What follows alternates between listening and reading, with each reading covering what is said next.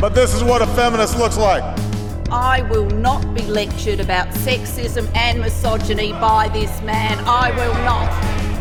Be a lady, they said. Wat maakt de vrouw? Word je als vrouw geboren of tot vrouw gemaakt? On n'est pas femme, on le devient. Ben je vrij te worden wie je bent?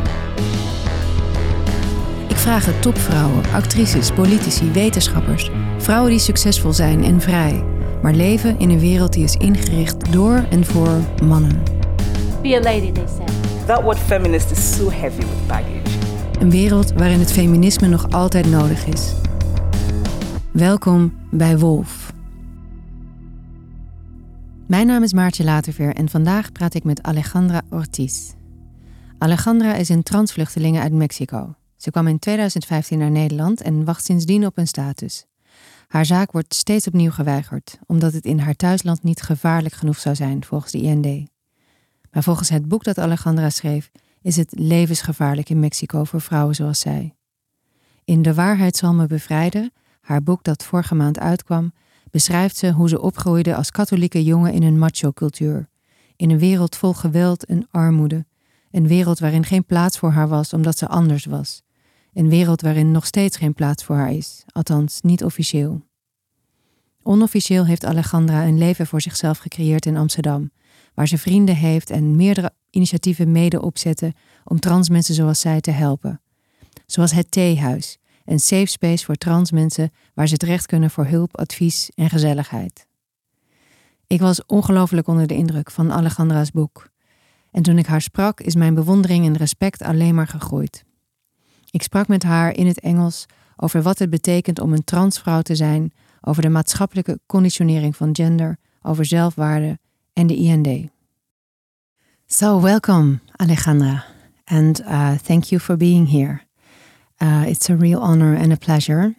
And I always start my podcast with the same question um, When did you become a feminist? And the question may be odd for someone who has uh, fought her whole life for freedom, but still, I'm very interested in your view on the matter of feminism and, uh, yeah, your relationship um, towards that as a woman and as a trans woman. Um, yeah, so when did you become a feminist? Uh, hi. Uh, first of all, thank you so much for the invitation today. Um, yeah, that's a very good question. I think it was um, a process that took many years.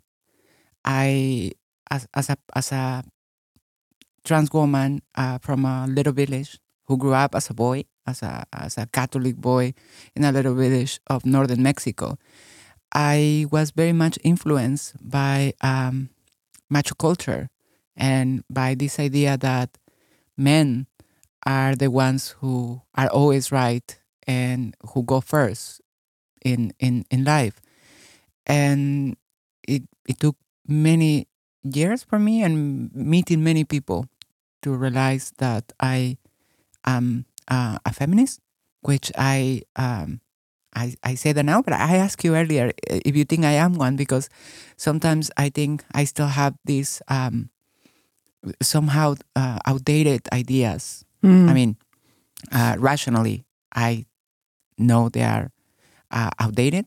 Like, uh, let me give you one: a man should open a car. Imagine, yeah, you're right about that in Ye- your book, right? Yes, Yeah. yes, yes, and and yet I it's still very much ingrained in me, but rationally, I know it's really outdated, and if I might say, stupid. But still, you say you are a feminist, and yeah, you ask me indeed whether I think you are a feminist. But uh, yeah, that all depends um, of your definition of feminism. Uh, so I should actually ask you, what to you does it mean to be a feminist, and what is feminism for you? Um, I think it's very simple in the end. Is to be able to have autonomy over uh, my life, over my body, over my decisions, and um, I I think the contrary of feminism is when third parties or other people decide over yourself and over your persona and over your body. Um, is to me very simple. Mhm. Yeah, and uh, you wrote uh, a beautiful and a really heartbreaking book about your experiences as a Catholic boy in Mexico, turning uh, into a woman seeking asylum in the Netherlands, and the whole journey in between. And that is a story of somebody who is not autonomous um, at all, and who has many people deciding about your fate and your chances and your future, and also your body uh, indirectly, but also directly by, uh, yeah, by uh, threatening you and by attacking you and, um, uh, yeah, it, it was really, um, as I said, heartbreaking to read, and I, I, I can only assume that it must be pretty difficult to to write it. And I was wondering when and and why did you decide to write your whole story in a book? Um, I've been writing in, in, in my diary since I was 10, 12. And uh, because I wanted to. So throughout the years, I've been enjoying reading myself, how Mhm. I used to think two, three, four, ten years ago. And um, I started writing about uh, my life, basically. Uh, I think around 2003 Mm-hmm. uh, there's an episode in the in the book in which I talk about my sex work days in in Dallas, Mm-hmm. and that's actually the first part of the book that I wrote. And later, during the the COVID pandemic, um, suddenly there was so much time, Mm-hmm. and I started writing very little, and within three four months, it became an obsession. So I felt that the book needed to come out on its own. Mm. Um, but I, I am never sure if the things I do are conscious or not. I think it was something in my mind that said that I needed to do this Mhm. to, to heal. Yeah. And did it heal? Um, yeah, good question. There are parts of the book in which, let's say, I talk about the relationship with my parents Mm-hmm. and their own relationship, Mhm. my, my father and my mother. And that part still um, painful. Yeah. I also, when I read it in, in the book, I try to skip it because it's, uh, I haven't made peace with that part of my past. Mm. With the rest, uh, my life in the US, um, my experience here in the Netherlands, I somehow it has been a, a learning experience, but it's, it's only the part about my parents that I cannot uh, completely be at peace with.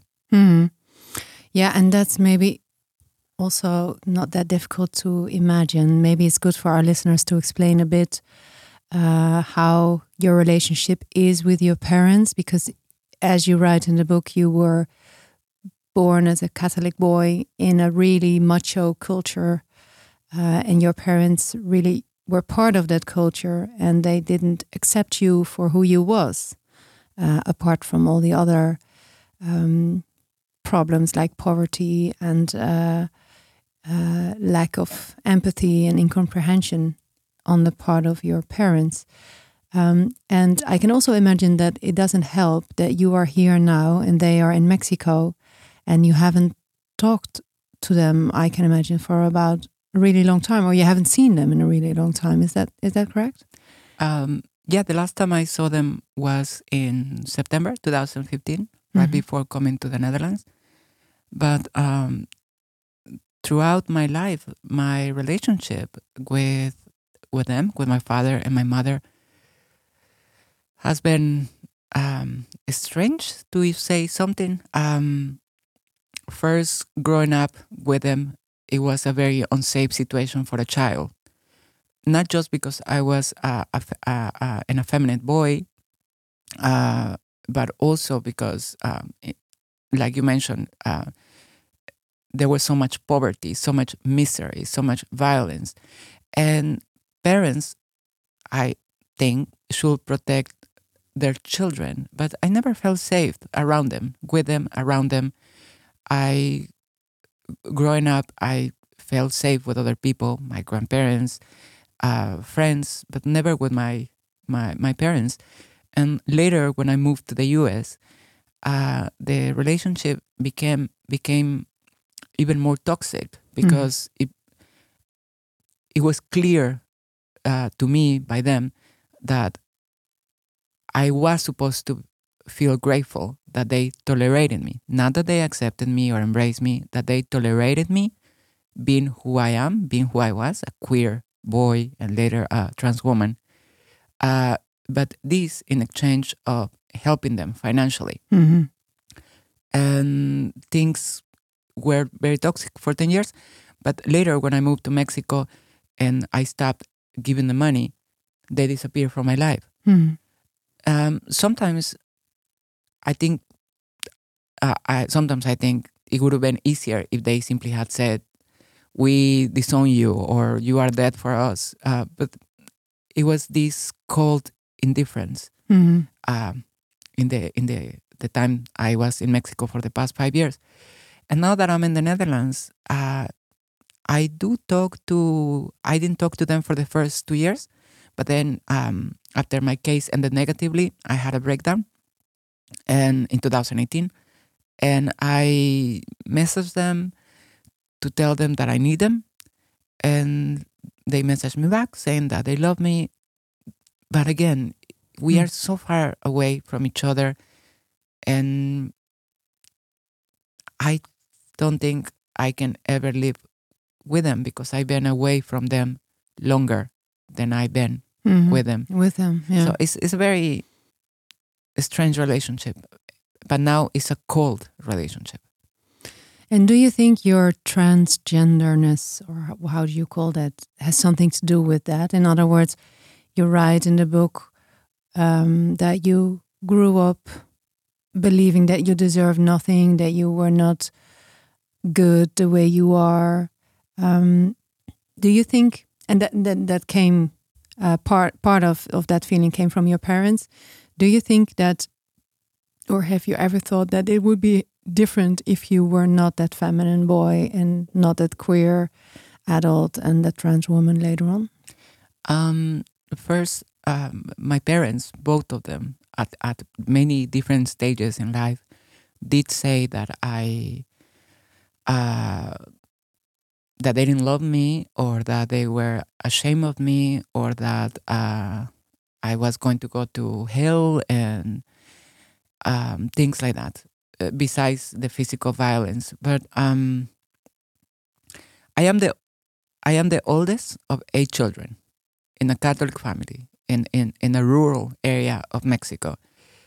So I think they were very disappointed that I was not the man they wanted me to be or that I was supposed to be. So I do think my queerness first, being an effeminate boy, and later my transness was uh, too much for them.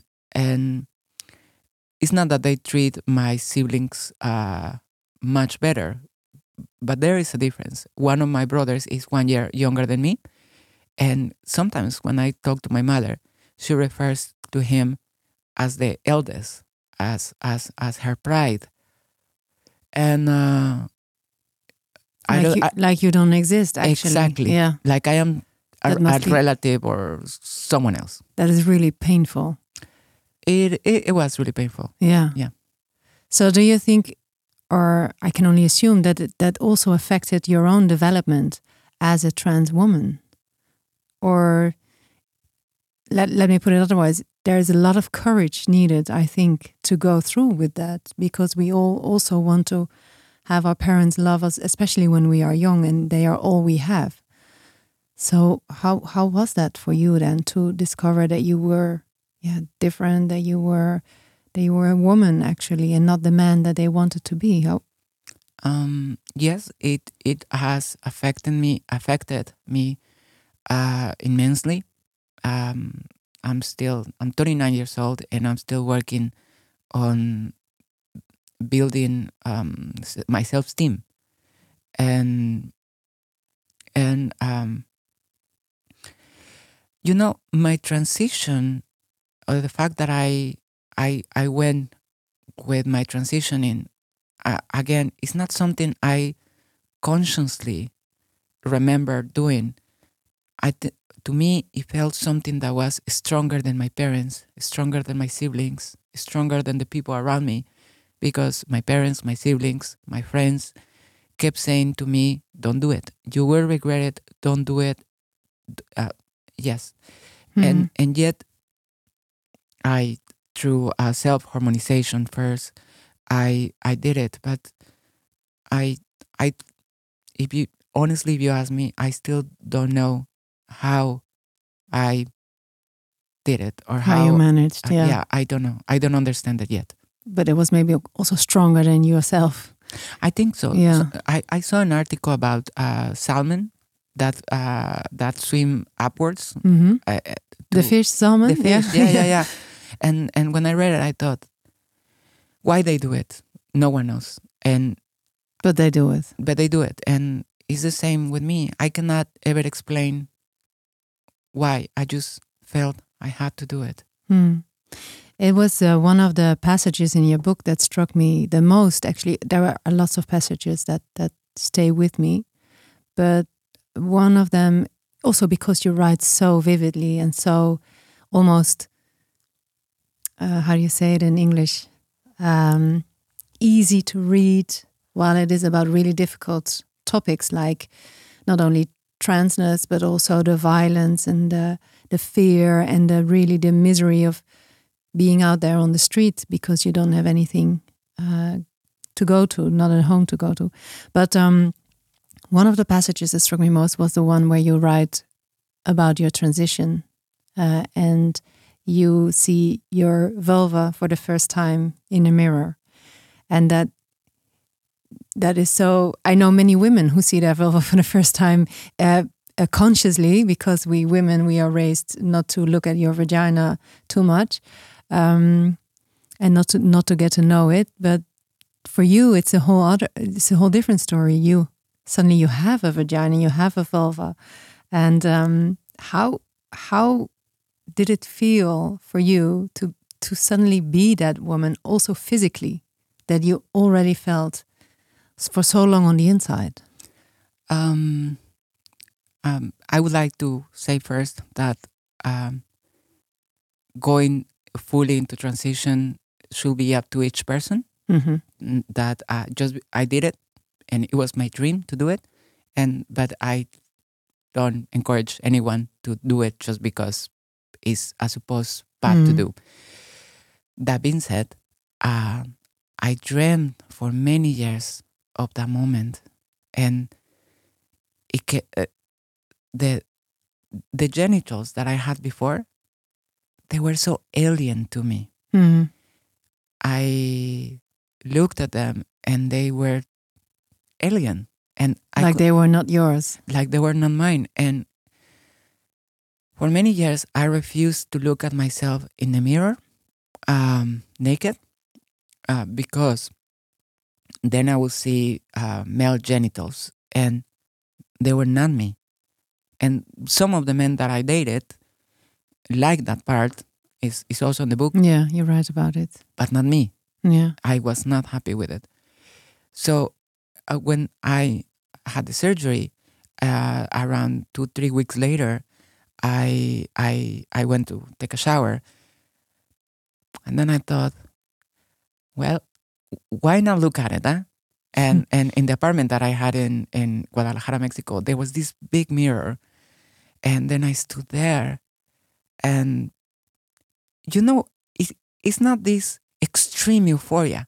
You know what it feels to have uh, to to the moment I saw myself was like, this makes sense.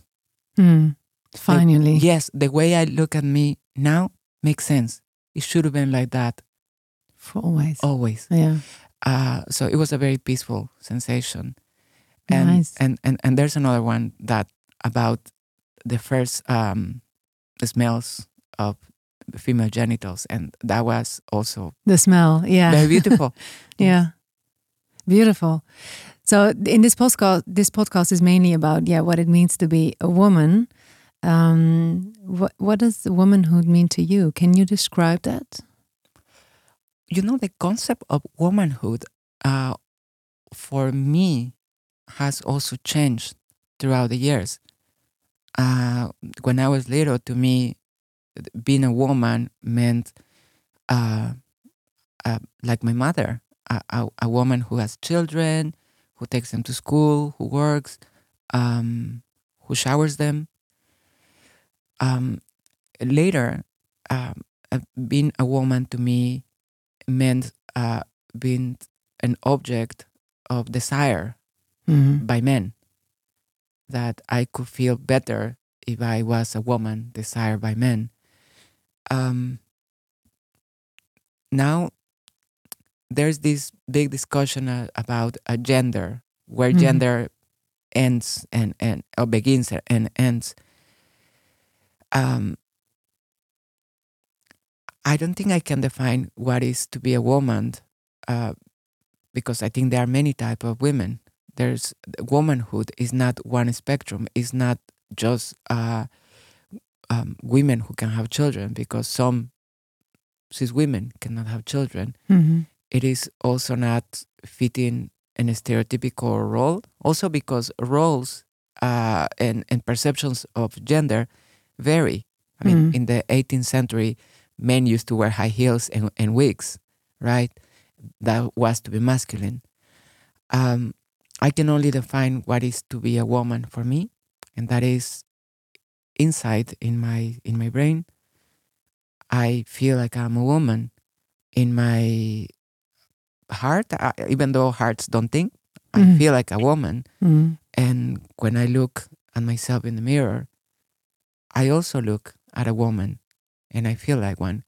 And but again, I think the spectrum is very diverse and we should not uh, uh, put ourselves in, in boxes, No. which is a little bit ironic because I'm a trans woman, so I already put myself in the trans woman box, migrant, refugee, etc. But I don't think people should be in boxes.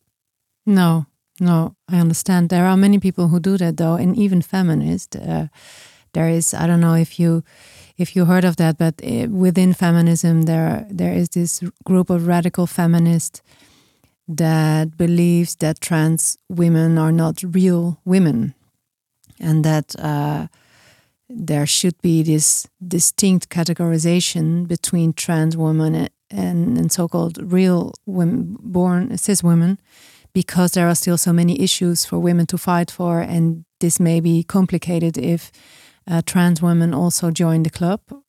I don't know if I uh, explain it correctly. That's because I don't really, really understand it. But I do know that this wave within feminism, within feminism exists.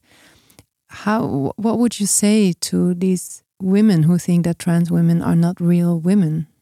Um, there are two things I like to mention. Uh, the first one in South America, there is this term called travesti, Mhm. travesti, travesti in Portuguese, in Portuguese, and a travesti, travesti, is uh, a person born uh, male who can either wear female clothes or have surgeries to be perceived as as a female, but does not identifies as a woman, identifies as a travesti. And I think in in in in, South America, this uh, discourse has gained momentum because it also says to uh, to to cis women, look, we are not here to take over your space. We are our own identity. But that discourse is is only happening around uh, Latin America, South America. Ah, feminism and and and real women. Mm. You know, in the '60s and the '70s, uh, um, black women, black cis women, also started uh, their own movement uh, because they felt uh, the, the the black rights movement represent them partially, but they want to keep the, they wanted to keep black women in a box. Mhm. And then uh, the mainstream white feminism was also not accommodating to their needs of black women. Why, why am I saying this? Uh, to uh, to radical uh, feminists who might be listening to this, we are not uh, your enemy. In fact, many of of of of, of our of our battles, many of, of, of the things we are fighting for, I think we they could be better if we work together. There Mhm. is no one way of of just like there's no one way of being a woman. Mhm. Feminism has also many many shades and variants, and it's okay Mhm. um, something that I keep being shocked now in 2022 is this idea that some men will dress up with female clothes and take hormones and go through all kind of hassles that trans people go through to be themselves Mhm. just to uh, take over spaces of women or or even rape them.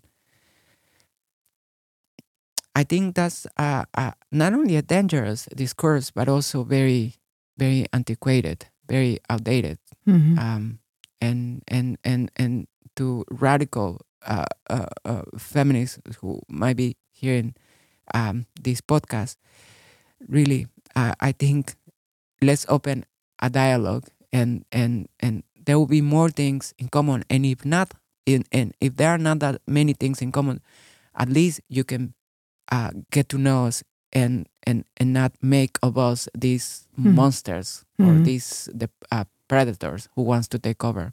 Yeah, or this outcast because yes, yeah, also. it's really exclusion, uh, exclu- ex- exclusive. Then, um, so you wrote your book partly, as I understood, as also a tentative to, um, yeah, to to plead your case another time for the for the seventh, eighth, ninth, tenth time to the Dutch government, who somehow denies your. Uh, yeah refuses to give you a status. Um, I understood that it came out a month before a new lawsuit would uh, would would uh, would be on for your case. Do you have any news to share already? Do you know if that went well? Um, well, I I wrote the book primarily to create a, a, a um, besides being therapy for myself Mhm. to create a, a, a portrait, a picture in time of the period 2015 2018 Mhm. plus my life. Um, la- just last year, the Dutch uh, government apologized uh, to trans to the trans community for the forced sterilization of trans people that took place for decades here in the Netherlands until 2014. I do believe in the power of learning and in the power of changing for the better Mhm.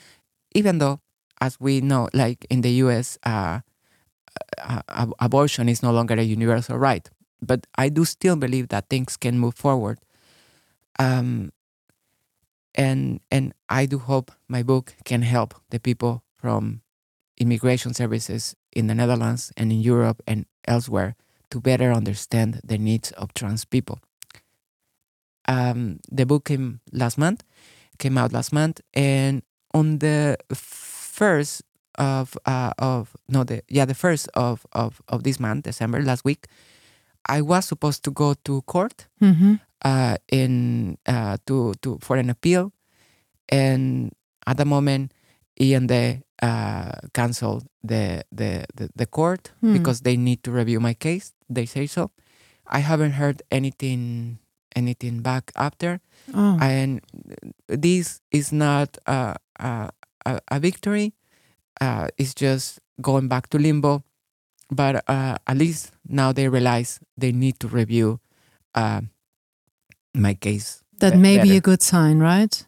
Uh, yes, Maybe it's a sign that they've read your book and realized that they really need to review your your file. well, we we send them the book Yeah. Oh, that's to, the, great. to them and also to the to the to the judge. Uh, and you see Wow. that the the first time I applied for asylum, the, the argument was that my story was too personal, and and and later, uh, when I reopened my case last year, uh, and I received a negative in February this year, uh, a reasoning was that the information that I gave was too general. Yeah. So no uh, matter what, no they will have a reason. Yeah, and also they didn't believe that Mexico was dangerous for you, for for trans uh, persons, right? correct. While what you write in your book, it, it is very dangerous, uh, and uh, not only for you, but for all trans people in Mexico. I believe the the average age was thirty five of people to live. Um, of trans people to, to to reach that age, so it's one of the most mortal countries when it comes to trans violence. So that is really strange for a country that you flew to because it was known as one of the most LGBT friendly countries in the world. So, what did you expect when you came here, and what was your experience? Um, what I expected uh, by coming to Europe, it, it was very naive. I expected understanding, and actually, I thought that also because I live in a trans bubble, I I I pretty much I thought they they know. Europe knows how dangerous it is to be a trans person in a third world country like Mexico. Of course, that was a very naive uh, of me to think to expect that. Um, and what has been my experience in, in the Netherlands is the Netherlands has been a very bipolar country to me. It, it from the uh, from the legal uh, part uh, or point of view, seven years later, I'm still in a limbo. Uh, from the human point of view, finally, I have found a community, chosen family, a network of friends that have been there over and over uh, to help me. Um, and and I've been growing so much. I yeah, and, and sorry, with limbo, you mean that you can't do anything, right? You live here, but you don't really live because you don't have a bank account, not a job, not an education, not a status. So you you live in a in an AZC in Amsterdam, and you have practically no right uh, officially to be here. correct. That's what you mean with limo, yeah. Yes. But then on the other hand, you have this whole community of friends and people who support you. Yeah. Yes, I have this. Uh, on the one side, I cannot really move, not even outside the Netherlands.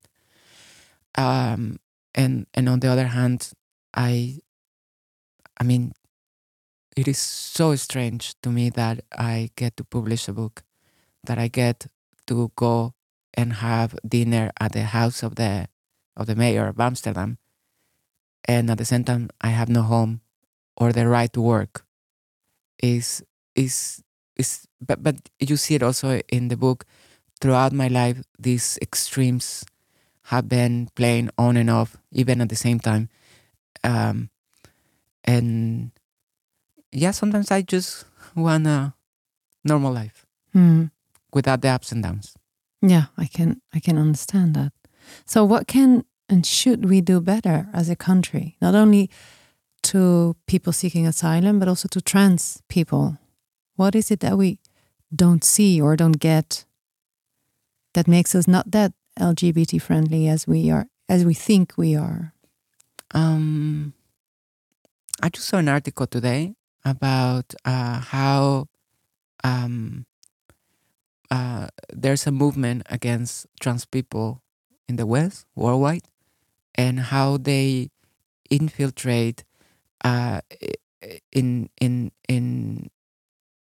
Sometimes when you think of people that hate others, you think of very ignorant people or uh, like Trump followers and stuff. But uh, in the article that I read, it says that uh, this uh, hate against trans people infiltrates in well-educated, into into well-educated uh, men and women.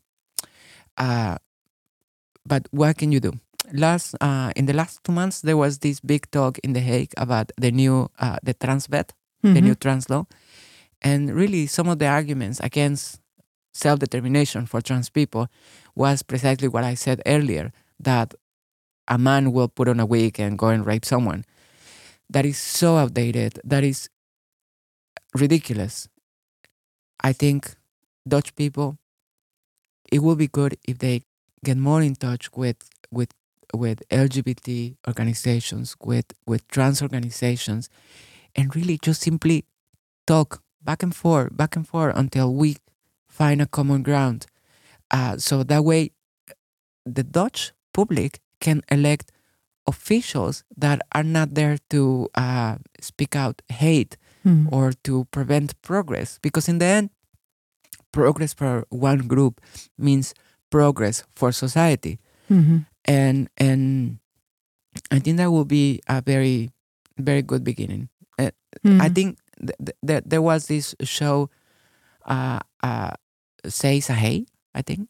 She's a he. She's a he, yeah? Is een hij? I don't know. the Say show. Hey, I think. And um, I, just the fact that you put the title of a show as She is a He is is already speaking of deceive, of of of lying.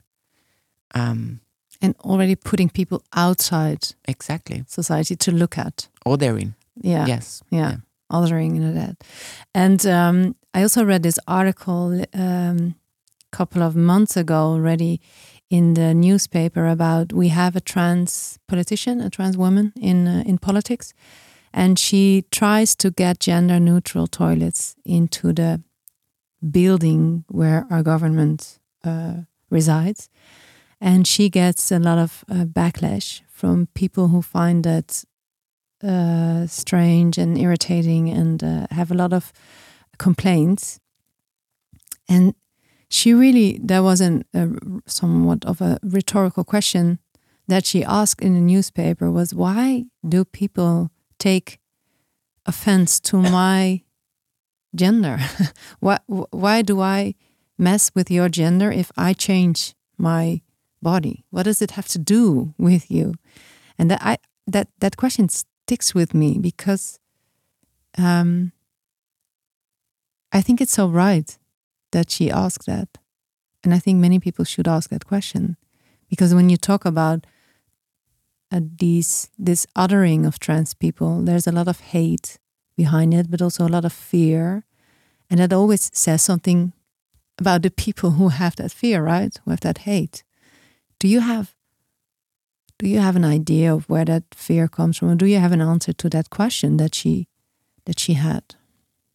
Um, the other day I was preparing a a a, um, a workshop with a, a queer uh, friend of mine, and we we wanted to talk to people who are not queer or are not trans about why trans liberation, queer liberation is good for everybody, and then we were also trying to find this this this common ground. We really could not get to to the root, but then we started uh, wondering. We live in such binary settings. Like you asked me earlier, what is to be a woman? Hmm. What is to be a man? Also, um, it, the, uh, to be a man is to be able to uh, fix a, a, a flat tire, right? to be a woman, I can do it as well. see, to be a woman is to be able to cook well. I and- can't do that. me neither. And, and, and, and, and I'm a woman and I cannot cook. Um, I also cannot fix flat tires. Um, but what we think, what I think is that men, people in general, are so fixed on binary roles Mhm. of what is to be a man and what is to be a woman that some people, many people in this case, fear that their own existence, that if they start asking themselves those questions, why I do this? Am I manly enough? About, am I womanly enough? They might Mm. be forced to think and rethink their own gender and their own ideas of gender. And you know, sometimes new things are scary Mhm. and and all of us have these things that when we were little we did things that were meant to be for quotation mark the opposite gender Mhm. and and and and we were told oh that is wrong that is wrong a, a friend of mine she married this the, this uh, man who already had children and and and one of the children is was a 10 year old boy and uh, she's a trans woman. And the 10 year old boy started wearing her shoes. Mm-hmm. And the, the husband got so enraged, so angry because that was, even though he was, he's married to a trans woman, right? Mm-hmm. Because the, the boy was going to be uh, of the Fakir count or something Yeah, like that. yeah. and and she says it is okay for for for the boy to play with this because he's just playing he's just Mm. he doesn't assign gender to to shoes and if you continue i'm going to leave you the man stopped and within two weeks the boy got bored of of the Mm. of the female shoes and went back to his tennis shoes so But that is really telling about how we treat people according to their gender. And then we instill in children already the expectations for who they should be when they grow up.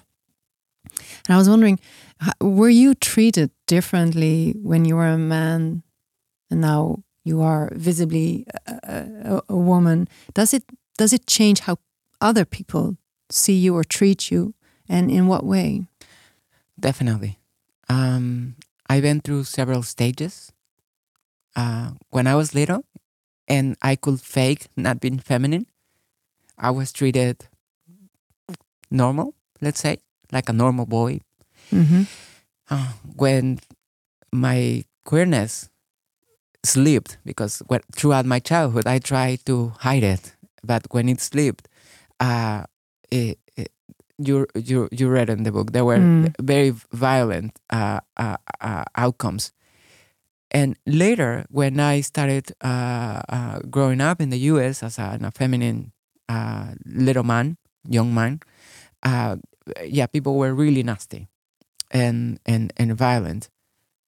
When I started transitioning, uh, the more I accommodated to binary standards, I used to be very flamboyant, move my hands a lot, my head, have this high pitched voice, and all of that.